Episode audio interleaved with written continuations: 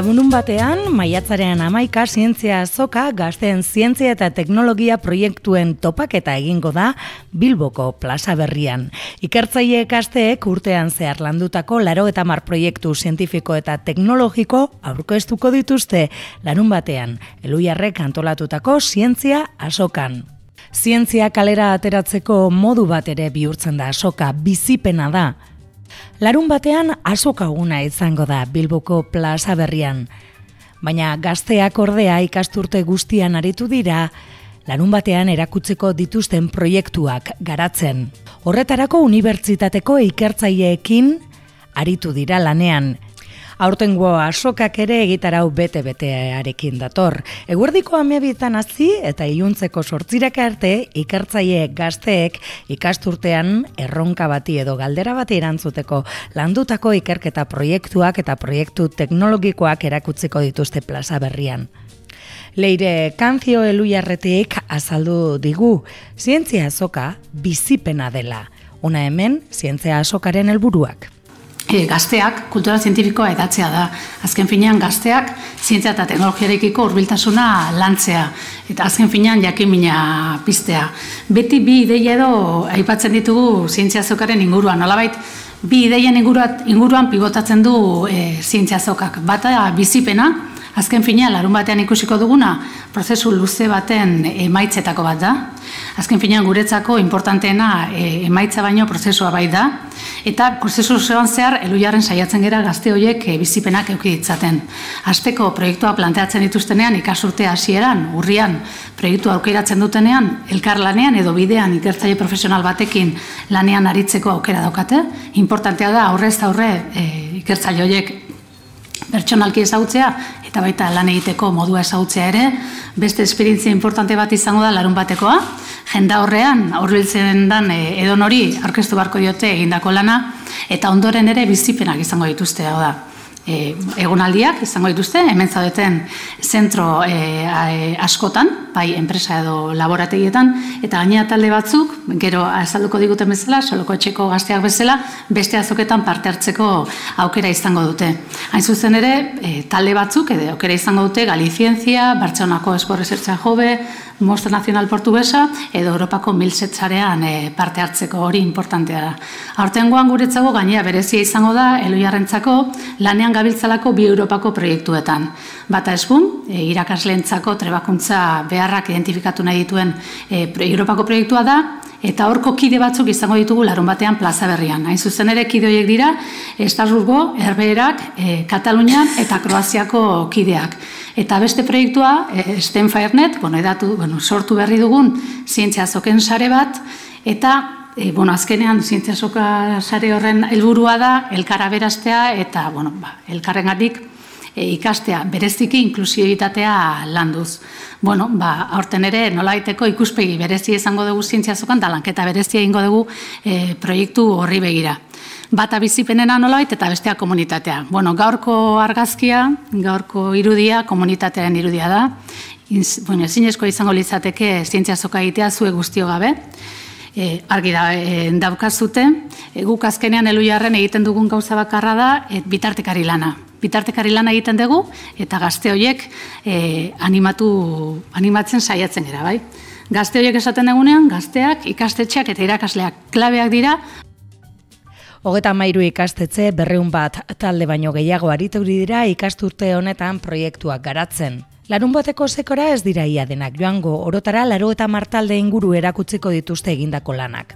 Gaur aurkezu dute larun bateko zientzia asoka. Eta bertan, eta bertan aurreko zientzia asokan aipamena jaso zuen soloko etxe, soloko etxe institutuko ikasleak izan ziren. Zientzia asokan era eraman zuten proiektua oportoko zientzia asokan erakutzi izan dute. Jarraian entzungo dugu gazteen esperientzia. E, bueno, kaixo gu e, Markel, Mikel eta Negara, e, soloko etxe instituto dikatoz, eta bueno, pasaren urtean zientzia sokan, oportora joateko saria irabazi genuen, oportoko zientzia sokara joateko saria. Eta azalduko dizuego apur bat ba, gure proiektua nola antolatu genuen, gure esperientzia eta zer iruditu zitzaigun orokorrean.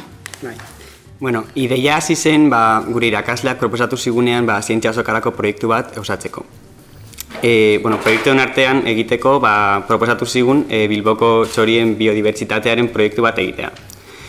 Eta, ba, bueno, e, post esatu genuen eta ba, investigatzen hasi ginen eta lana osatzen.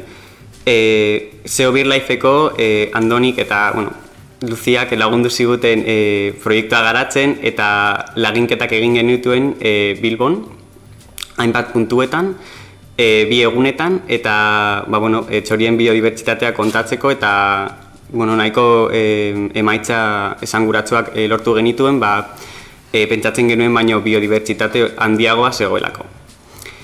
E, gero, ba, e, azkenik ja e, behin amaituta proiektua, e, zientzia zokan e, presentatu genuen. Bai, eta, bueno, e, hori izan zen, e, larun bat batean ere, e, Bilboko plazan, e, gure proiektu aurkeztu genuen, ba, ba, publikaren aurrean, eta e, naiz eta oso nekatuta baitu, esperientzia e, oso nahi izan zen, e, gauza asko ikasi genituelako e, bai proiektu egiten eta bai aurkezten, eta e, gainera, Zeo Bizlaifeko profesionalak etorri ziren guri laguntzera e, ba, plazan, e, Bilboko plazan, Eta e, ba, maieran e, saria irabazi genuenean oportera joateko ba, e, sorpresa handia hartu genuen eta e, ba, poses e, joan ginen oportora. E, oportoko bidaia izan zen hiru egun, e, maiatzak hogeita maika eta e, ekainak bat eta bi, e, eta bertan e, gure proiektua berriz aurkeztu genuen e, ingelesez eta gaztelaniaz, e, euskeraz ezin genuelako aurkeztu, Eta e, bertan ere e, oso e, ba, esperientzia ona izan genuen eta e, gehiago ikasi genuen.